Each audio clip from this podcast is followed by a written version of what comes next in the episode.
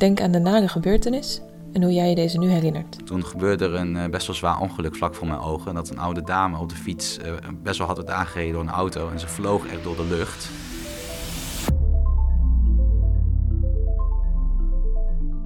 Leven we straks in een metaverse, waarin we helemaal worden ondergedompeld in een digitale wereld? In deze podcast van het Ratenau Instituut gaan Stefan Rolfink en Wouter Nieuwenhuizen op zoek naar antwoorden op deze en andere vragen over onze digitale toekomst. Ze gaan langs bij artsen, scholen en musea waar nu al gewerkt wordt met zogenoemde immersieve technologie. Denk bijvoorbeeld aan virtual reality, waarbij je via een speciale bril helemaal opgaat in een virtuele wereld. Of augmented reality, waarbij je een extra laag over de werkelijkheid ziet. Hoe kan dit soort technologie ons leven verrijken?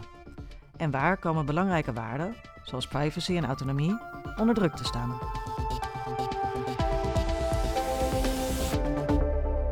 Kijk naar het geheel als een film en zoek naar het moment dat momenteel het meest negatief is.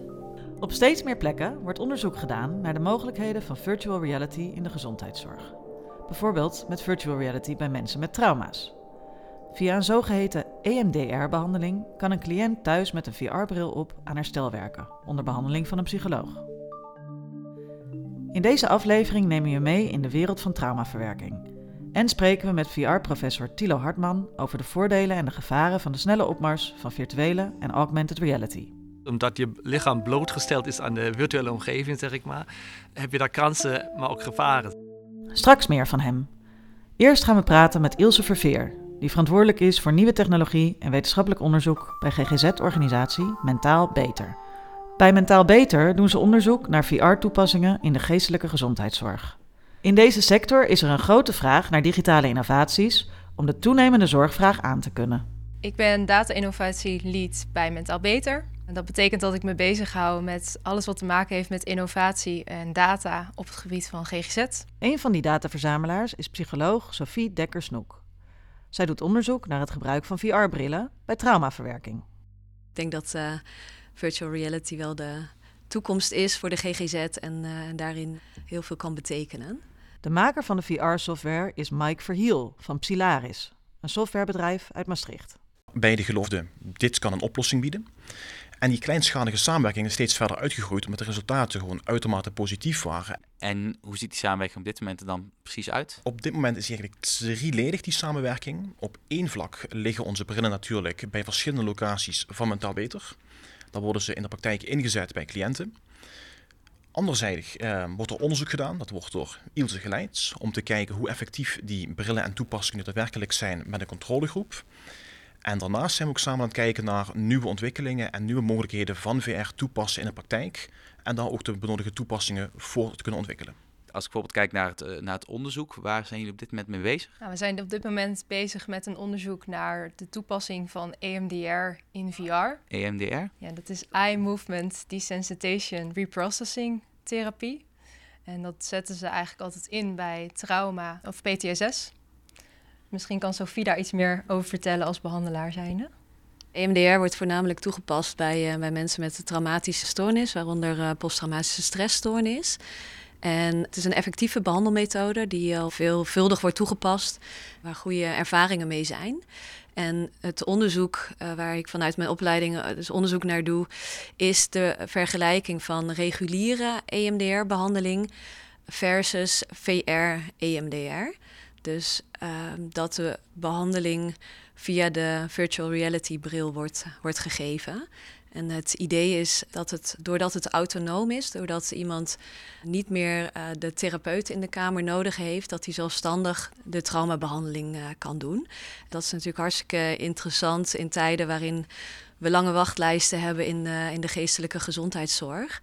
Want ons idee is dat we daarmee de behandeling kunnen intensiveren met een vergelijkbaar middel als de, de EMDR die door de therapeut wordt gegeven. Om een indruk te krijgen van de werking van zo'n VR-traumabehandeling, krijgt Stefan in de praktijk bij psycholoog Sophie Dekker-Snoek uitleg over EMDR in VR aan de hand van zijn eigen ervaring. Ze vertelt eerst wat EMDR eigenlijk is. Je dient een, een, balletje te volgen en vervolgens ook uh, met een joystick taakjes uit te voeren. Uh, het idee daarachter is, is dat je werkgeheugen wordt belast, waardoor de, de emotionele lading die gekoppeld is aan de traumatische herinnering daalt en vervolgens nou ja, minder traumaklachten gaat ervaren.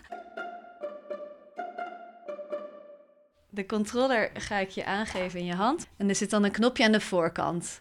Ja, en dat is eigenlijk het enige knopje wat je, wat je gebruikt. Zie je al iets gebeuren? Ja, ik zie nu iets gebeuren. Er zie je een heel wijd uh, zeelandschap met uh, nu een, een display met een aantal opties. Voor de volgende oefening gaan we weer aan de slag met het gekozen moment. En jullie horen ook de stem van Eva, dat is de, de virtuele therapeut. Met een hele nou, prettige stem die, die je er doorheen begeleidt. En die uh, noemt wat de opties zijn. En als het goed is, zie je nu ook weer een keuzemenu. Ja, dat klopt. Ik zie een keuzemenu waar ik ook verschillende omgevingen kan kiezen. Bijvoorbeeld een appartement. Ik zit nu in een hele mooie, hele grote, ruime woonkamer. Hou, hou me even pauze nu. Is misschien even goed om uit te leggen. Ik zat nog steeds in die woonkamer. En eigenlijk gewoon in die woonkamer verscheen er een balletje voor mij. Die, en waarmee ik de oefening moest uitvoeren, die net werd uitgelegd. Iedereen die de app gebruikt, moet altijd door deze oefeningen heen. Of verschilt het echt per patiënt? Nee, iedereen gaat hier, uh, hier doorheen. Dit is de uitleg over uh, die werkgeheugen belastende taken. Je hebt er nu twee gehad. Eentje dat je met je ogen dat balletje moet volgen wat door het beeld gaat. En de andere is een oefening waarbij wordt gevraagd hè, om één of twee keer op de controller te, te drukken dat is onderdeel van, van de EMDR-behandeling. Want door middel van die werkgeheugen belastende taken neemt uiteindelijk die emotionele lading aan die traumatische herinnering af.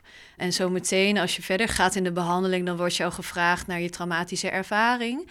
Uh, om je daar een helder beeld bij te vormen en dat te voelen.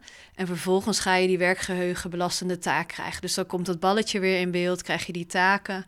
Uh, dat wordt zo opgevoerd dat het best wel moeilijk is om het uit te voeren. Want uit onderzoek weten we hoe zwaarder de taak, hoe beter de traumabehandeling. Dus hoe sneller de emotionele lading van die herinnering uh, afgaat. Vertel je dat er ook bij aan de patiënt? Ja, ja, dat is altijd de uitleg uh, vooraf. Soms zie je mensen dan nog een beetje vragend kijken en dan is het uh, wel vrij snel dat ik zeg, we doen die bril op, want aldoende snap je wat, wat de stappen zijn vraag komt nu ook in beeld. Denk in grote lijnen aan de gehele nare herinnering. Het gaat erom hoe jij je dit nu herinnert. Heeft het heel veel zin om dit nu ook te gaan doen terwijl ik geen vaste herinnering heb die nu zo in me opkomt? Je moet wel een herinnering hebben, anders heeft het niet uh, zoveel zin. Ja. Zo meer over de werking van de traumabehandeling in VR. Terug naar Ilse, Mike en Sophie.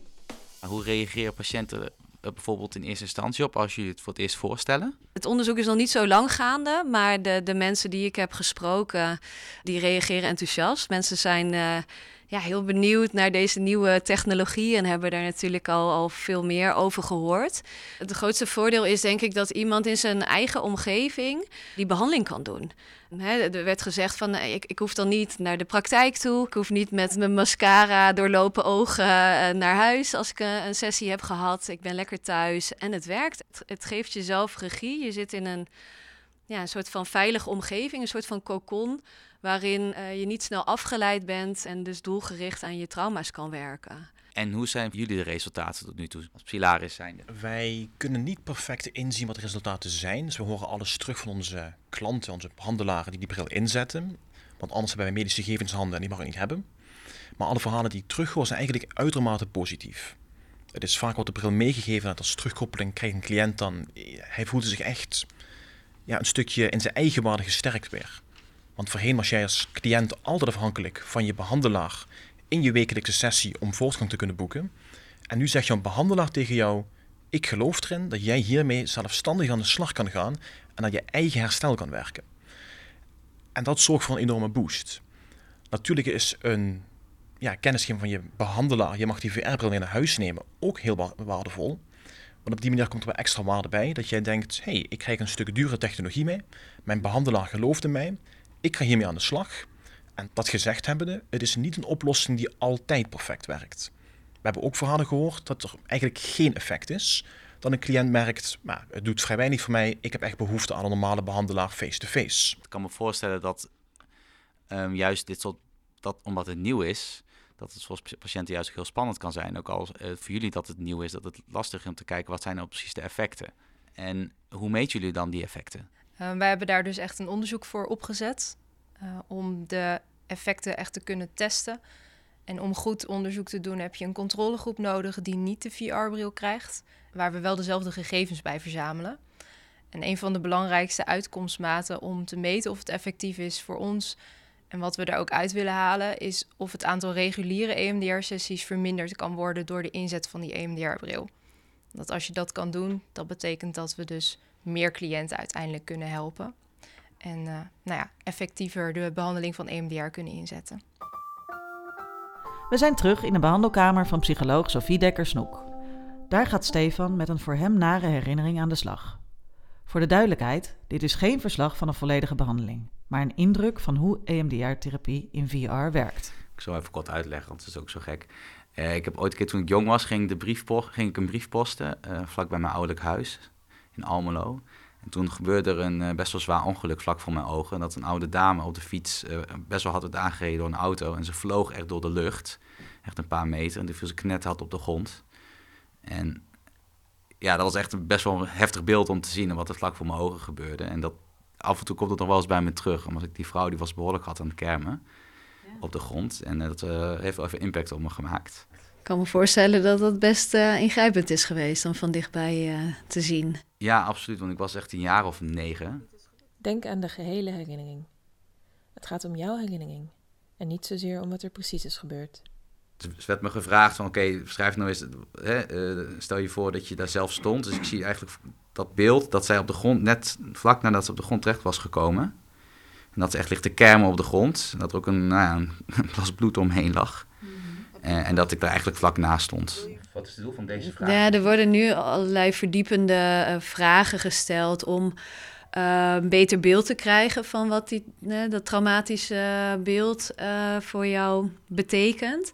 En met name om goed bij je gevoel te komen, zodat je het weer nou ja, goed kan herbeleven en die emotionele lading daarbij kan ervaren. Ik kies nu voor de uitspraak ik. Ik faal. Want ik wist op dat moment gewoon niet wat ik moest doen. Wat, wat hij nu krijgt is dus die, die werkgeheugenbelastende taken. En tegelijkertijd de, de opdracht om aan de, uh, de traumatische herinnering te denken. En zometeen uh, wordt er gevraagd uh, hoe de spanning, hoe hoog de spanning nu is. En dat is zeg maar de uitkomstmaat waaraan we aan kunnen meten hoe het gaat met de verwerking. Wat is op dit moment, als je er vanuit het hier en nu naar kijkt, het naarste moment van deze herinnering? Dus het blijft dat hele een herhaling van dezelfde oefeningen? Of? Hij gaat nu weer verder met die werkgeheugentaak. Dus dan krijg je weer het balletje in beeld. Dat is dat werkgeheugenstuk. En uh, na nou ja, een paar minuten krijg je de vraag van de, hoe, uh, hoe de spanning is.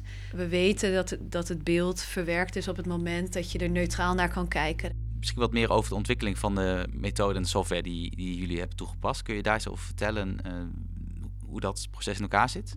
We zijn begonnen met een missie om iets te gaan doen aan die wachtrijproblematiek. En toen hadden we nog geen keuze gemaakt of we dat gaan doen met een stukje VR-software of iets anders. Puur gefocust, we hebben zelf in onze persoonlijke kringen best wel veel gezien. We besloten, hier moet een oplossing voor zijn. Toen kwamen we redelijk snel uit op, oké, misschien moeten we meer behandelaren kunnen toevoegen in de sector, maar dat is niet mogelijk wegens additionele kosten, personeel en ga maar door. Software is een mooie oplossing hier. Maar dan moet je software hebben die een cliënt zelfstandig kan inzetten.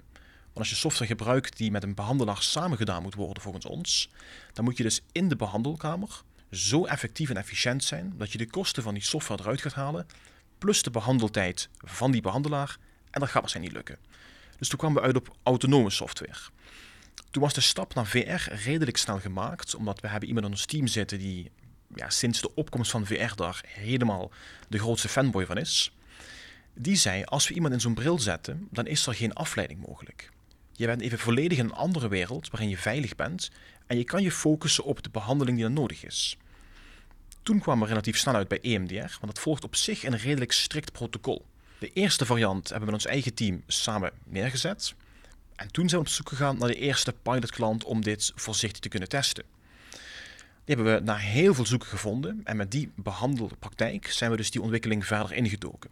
Want wij als Psylaris, wij ontwikkelen nooit zelf software en we denken, dit is goed zo, het gaat de markt in. Het wordt altijd gedaan met behandelaren om te kijken wat moet zo'n applicatie nou precies kunnen. En wat is een voorbeeld van feedback die jullie van ehm, Mentaal Beter hebben ontvangen? Um, helemaal in het begin hadden wij een neutrale kamer, iets heel bazaals dit. En in die kamer stond een scherm op de achtergrond met strepen die diagonaal erop stonden.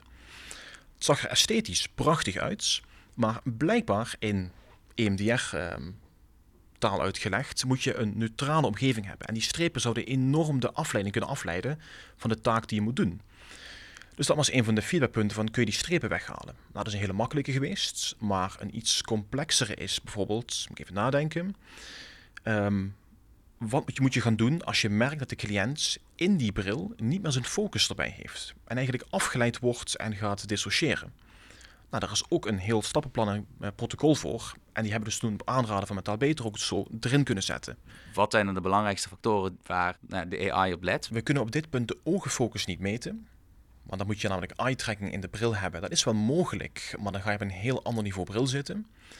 Um, die bril kijkt nu voornamelijk naar hoeveel input je met de controles gegeven hebt, um, hoe lang het heeft geduurd tussen de voorgaande vragen die je beantwoord hebt, hoe lang je nu aan het wachten bent. En combineert dat in een ja, simpel algoritme te zeggen, je bent te lang aan het nadenken, ik ga die trigger afgeven. Oké, en jullie doen nu name onderzoek naar uh, die EMDR-behandelingen. Zijn er ook nog andere behandelingen waar je aan denkt waar een VR-bril van toepassing zou zijn? Ja, zeker. Een van die toepassingen waar behandelaren ook heel enthousiast van worden is exposure. En exposure is eigenlijk het blootstellen aan je angsten. Dus dat je bijvoorbeeld op een hoogte gaat staan in die bril. Omdat je in een gesimuleerde omgeving zit, geeft dat heel erg het gevoel dat je daar ook echt bent.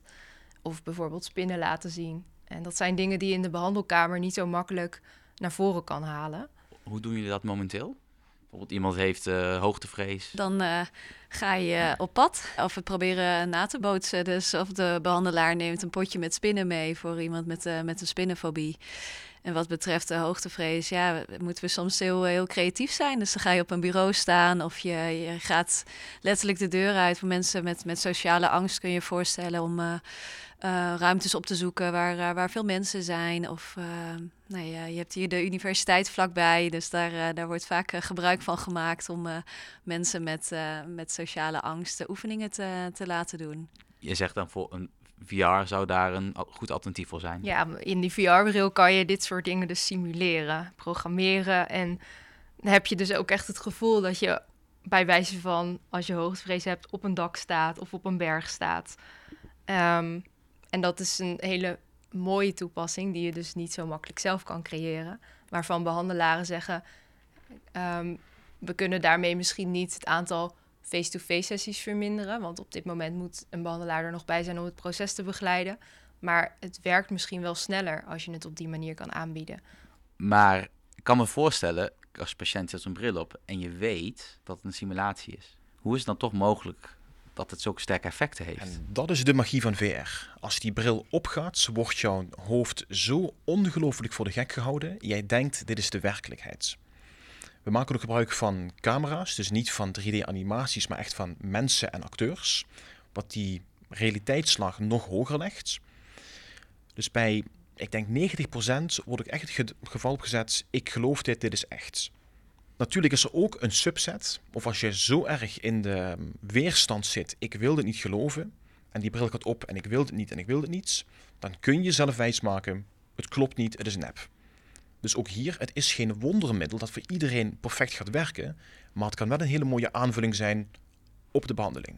Um, voor jou nog als, als behandelaar, heeft voor jou op dit moment het werk al sterk veranderd? Wat ik daarover kan zeggen is dat het makkelijk toepasbaar is dat ik uh, wel snel uh, zie of iemand daar geschikt voor is. Uh, dat het goed te bespreken is met de cliënt.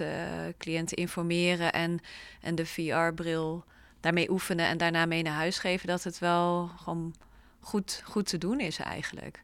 we kijken enerzijds naar de positieve effecten, hebben we net een hele hoop over gehoord. Maar we kijken ook wel naar nou ja, potentiële schadelijke effecten of nou ja, ethische dilemma's die hier omtrent.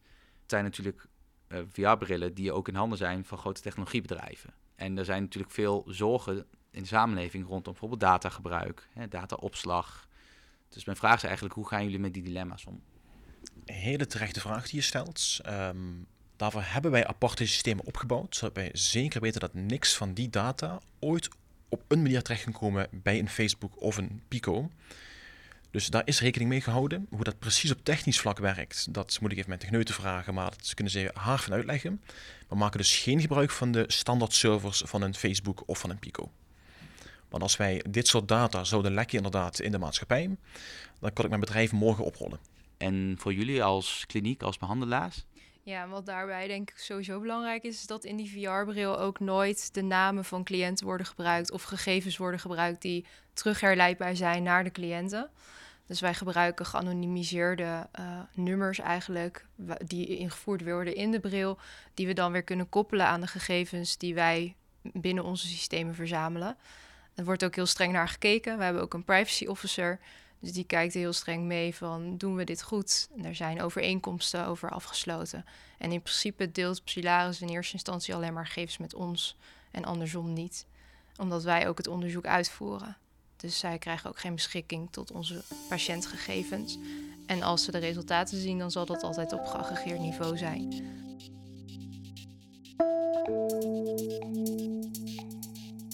Wat, waar willen jullie staan over vijf jaar? Over vijf jaar wil ik met Psilaris een punt bereikt hebben waarop we eigenlijk bij iedere diagnose in de GGZ een passende VR-module hebben die autonoom kan worden ingezet. Om op die manier de behandelaren verder te kunnen ontlasten en de wachtrijen te kunnen wegwerken. In onze studio praat Stefan verder met professor Thilo Hartman van de Vrije Universiteit Amsterdam. Hij bestudeert immersieve technologie en weet alles van de voordelen, maar ook van de gevaren van augmented reality en virtual reality. Ik zie mijzelf eigenlijk als mediapsycholoog. Dus uh, ik gebruik uh, theorieën en methodieken uit de psychologie. En die pas ik toe om uh, te begrijpen hoe mensen media ervaren en waarom ze media gebruiken en wat voor effecten dat heeft. En dan speciaal natuurlijk over immersieve technologieën en VR. Waar moet ik nou aan denken? Wat we nu kennen, voordat we eigenlijk immersieve technologieën hadden, dat is zeg maar, de kijken naar een scherm two-dimensional, 2D. Zeg maar bij televisie of als je PlayStation speelt of zo. Daar heb je al uh, een soort of, nou, een beetje immersieve ervaring. Kan je wel soms het gevoel krijgen, ik ben eigenlijk bijna zit ik in het videospel of zo. Of, die uh, Mark Rutte zie ik op een televisiescherm, maar eigenlijk kijkt hij mij aan of zo. Dit soort ervaring heb je daar al. Maar het is toch echt een groot verschil met wat we nu hebben, met immersieve technologieën die dan alle zintuigen echt aanspreken, of vele zintuigen aanspreken. En dan echt ook overkoepelend aanspreken, zodat je bijvoorbeeld, je kan niet links of rechts kijken en dan zie je jouw woonkamer, maar je zit echt middenin. En dan krijg je een nieuw soort gebruikerservaring. Dat is uh, echt iets unieks, uh, iets wat nieuw is en verschillend met wat we van 2D, zeg maar, van de scherm of zo kenden eigenlijk. En virtual reality is dan een voorbeeld van een immersieve technologie? Virtual reality is één voorbeeld van immersieve technologieën. En dan heb je nog andere voorbeelden. Augmented reality hebben ook veel mensen over.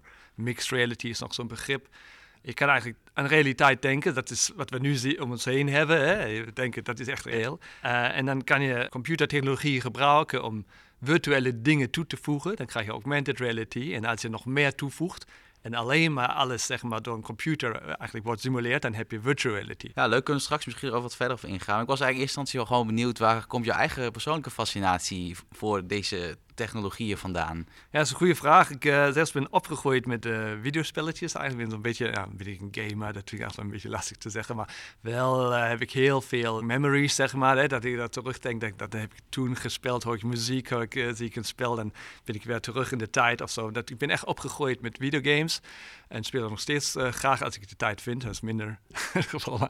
En van daar was ik altijd gefascineerd dat je technologie, ja, zo'n soort immersieve technologie eigenlijk bijna hebt waar je echt als gebruiker je aanwezend voelt. Zeg maar zo'n role-playing game, dat echt door het landschap uh, loopt of zo. Hè?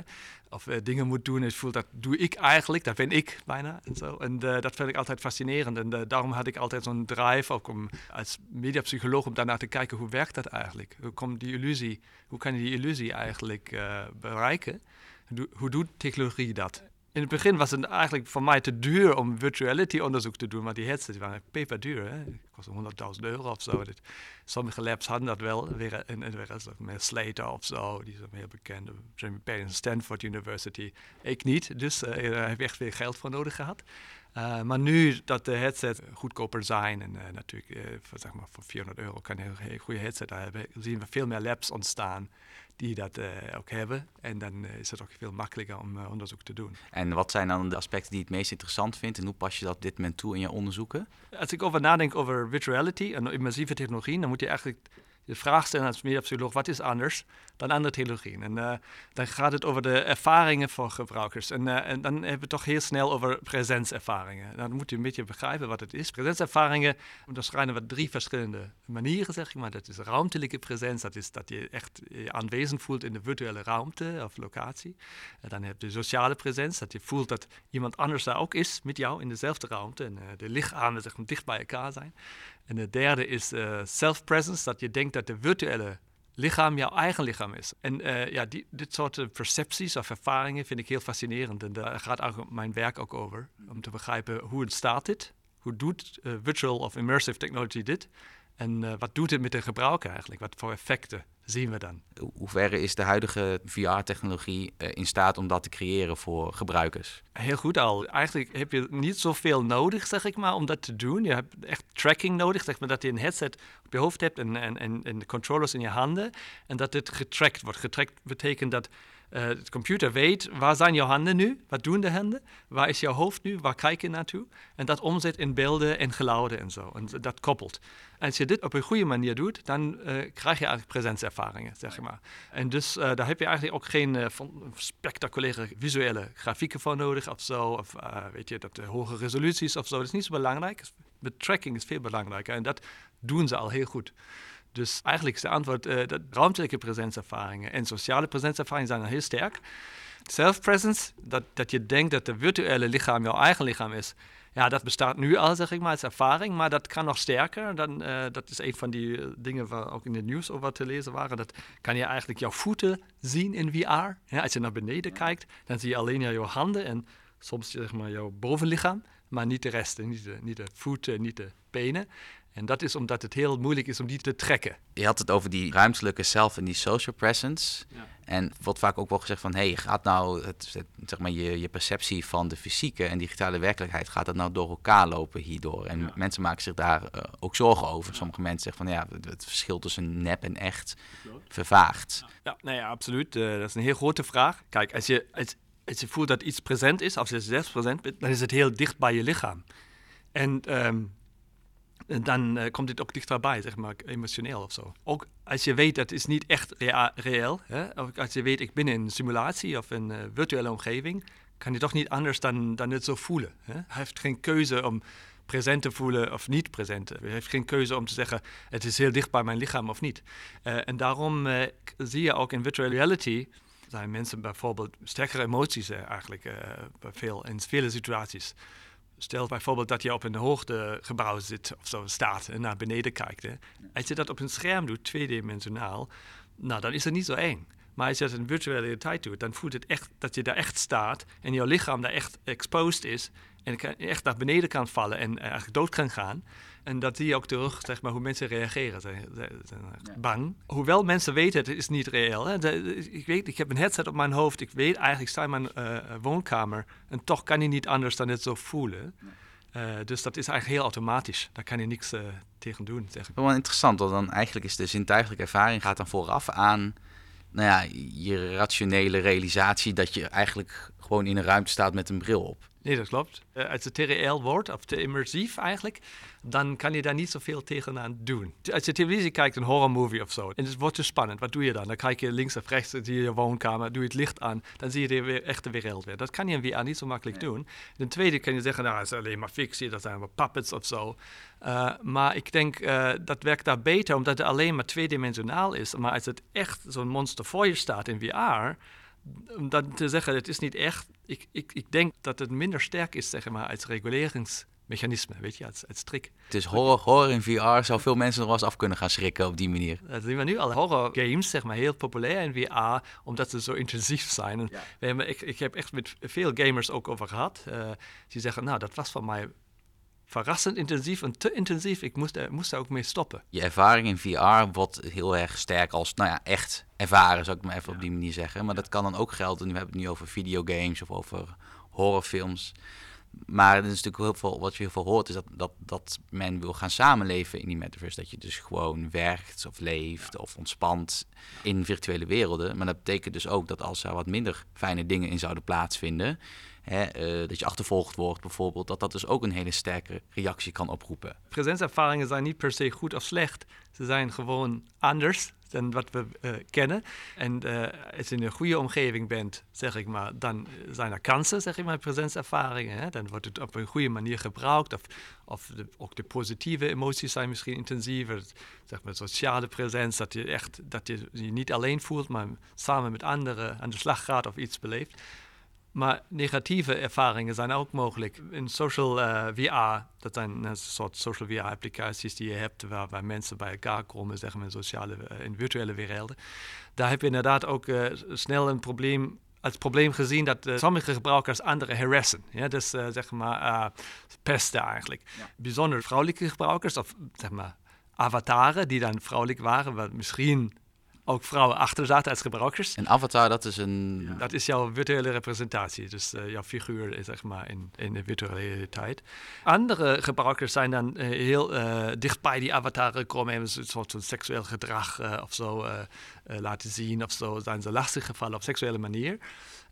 en dat kwam keihard binnen bij die andere gebruikers. zijn echt, ik heb het headset af gezet of zo. En het was uh, dan niet uh, voorbij na tien minuten of zo. Ik heb de volgende dag nog steeds over moeten nadenken en voelde me echt slecht. Dus uh, dat kan, kunnen best wel zeg maar microtraumatische ervaringen zijn, denk ik. daar moeten we goed naar kijken. Wat doet immersieve technologie, in dit geval VR, voor je gezondheid en hoe wordt het ook ingezet? We zien dat VR-therapie ook vaak wordt gebruikt voor het behandelen van, van traumatische ervaringen, maar het kan dus eigenlijk twee kanten op bewegen.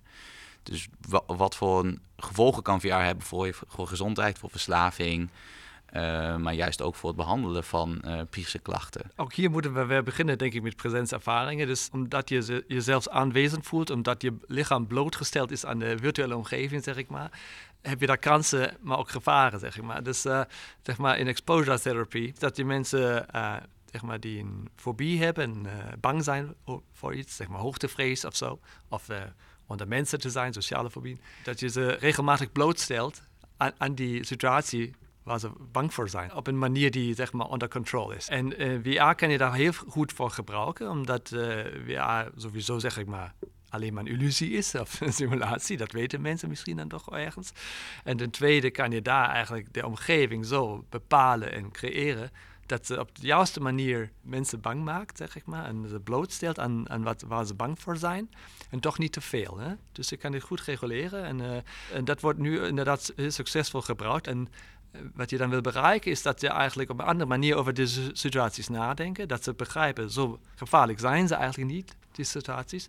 Of dat ze zelfs ook zo'n beetje desensibiliseren. Dat ze impulsief meer bang zijn als ze in dit soort situaties zijn. Hè? Omdat ze gewoon, dat hebben ze 10, 20, 30 keer doorgemaakt. En ze hebben ervaren, het is niet zo erg, hè, het kan, ik, ik kom daar doorheen.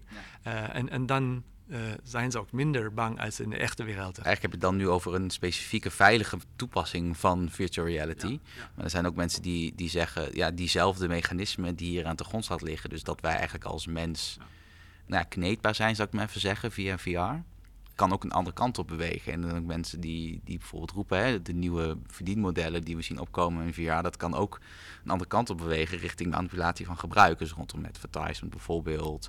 Ik was eigenlijk benieuwd hoe je daarna keek, naar dat, dat spel daartussen. Ik ben daar ook een beetje bang voor, moet ik zeggen. Op een bepaalde manier ben je kwetsbaar als gebruiker in VR. En uh, waar ik bang voor ben, is eigenlijk manipulatie. De mogelijkheid om manipuleerd te worden, zeg ik maar.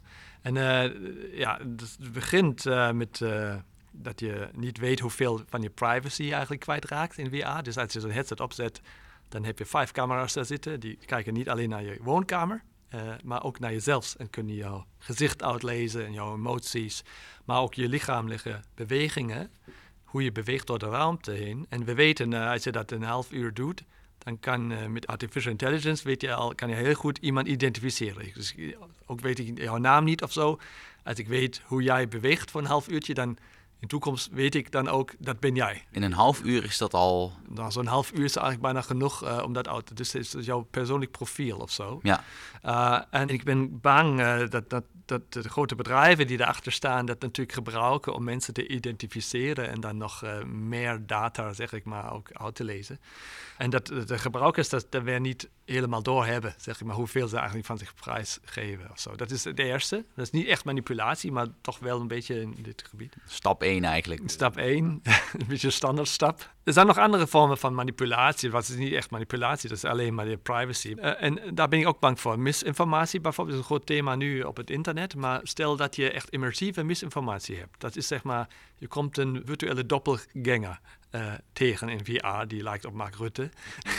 Zo'n hologram. Of misschien is het augmented reality, die Mark Rutte staat in jouw woonkamer opeens of voor je deur. Maar het is eigenlijk een hologram. Het bestaat niet echt, maar het is eigenlijk een digitale avatar. Maar toch voelt het alsof Mark Rutte daar echt is en dan zegt hij wat of doet wat. En dan is het heel moeilijk om, om je daarvoor ook te beschermen weer, zeg ik maar, van die, van dit soort beïnvloeding. En daar heb je toch echt ook weer kansen natuurlijk van mensen met uh, slechte intenties die kunnen op die manier jou manipuleren, zeg ik maar. Je kunnen informatie of dingen laten zien. Uh, waar, zelfs als je weet dat het niet echt is, waar je misschien moeite hebt om je toch te, zelfs te beschermen voor die uh, beïnvloeding. Nou, ik, ben heel bang dat we zien nu al heel veel concentratie. Meta is een heel, heel groot bedrijf die daarachter zit bijvoorbeeld. Je moet kijken, komt er nog Microsoft en Apple of zo, maar het blijven toch een beetje de grote techbedrijven. En als je met Meta praat, heb ik soms toch het gevoel, zeggen met je, we zijn toch een platform en de, gebruikers moeten een beetje zelfs reguleren. We willen wel veilig hebben, willen wel leuke ervaring hebben, maar laten we ook zo'n beetje aan de gebruikers over om dat te reguleren. Ja, en dan ben ik toch bang dat dat misschien niet uh, voldoende is. Dat we toch ook nog meer moeten kijken of tenminste modellen hebben. Hoe, hoe kunnen we dat reguleren als gebruikers? Wat voor modellen, wat voor uh, instituties moeten we eigenlijk opbouwen om dat te doen? Of we hebben toch technische oplossingen dat bepaalde dingen gewoon niet mogelijk zijn of heel snel sanctioneerd werden. Ik weet niet hoe, precies hoe dat uh, kan, maar, zeg maar stel dat mensen tenminste doorhebben dat er iets uh, misgaat, dat, dat, dat dan weer wordt gereguleerd op een bepaalde manier. Wat zou nou echt een thema zijn waar je van zegt, dit zouden we eigenlijk gelijk moeten onderzoeken, of daar zou ik heel graag nu gelijk eigenlijk onderzoek naar willen doen? Ja, je hebt het door toepassingen, er zijn heel veel dingen die ik spannend vind, uh, maar ik wil eigenlijk een stapje terug naar de grondliggende basale effecten, zeg ik maar, van VR. Een van de spannendste vraagstukken is eigenlijk, als het echt reëel voelt, maar we weten het is niet reëel. We weten nog steeds, ik ben in een simulatie. Ja, wat, wat gebeurt dan eigenlijk? Kunnen we het toch op een bepaalde manier nog reguleren wat we daar voelen en ervaren? Is het toch iets anders als ik zeg maar naar Tokyo travel in VR en het voelt allemaal heel uh, echt. Maar ik weet, het was alleen maar een simulatie. Is het toch een andere reis? Dan heb ik andere gedachten dan aan Tokio dan als ik echt in Tokio uh, geweest uh, was. Dus, dat is een, dus het gaat hier, wat ik noem dat media awareness. Media awareness is dan dat je tijdens jouw VR-ervaringen, hoewel je present bent, weet je nog steeds dat het mediated is, dat het door mediatechnologie wordt geïnverseerd. En, en, en dat, vind ik een van de spannendste vragen is of dat iets toevoegt.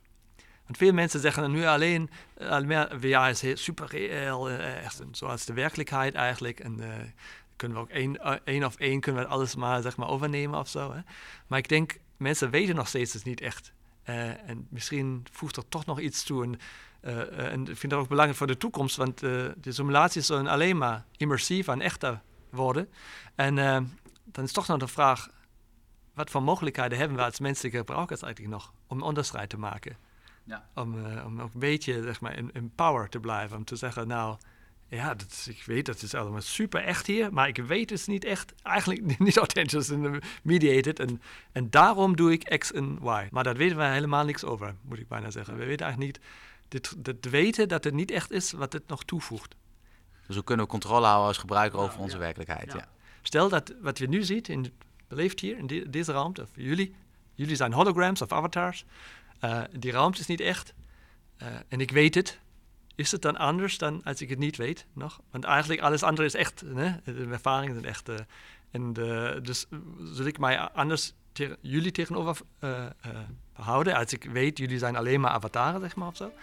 dat zijn vragen die vind ik heel spannend. die vind ik ook voor de toekomst heel belangrijk om te beantwoorden.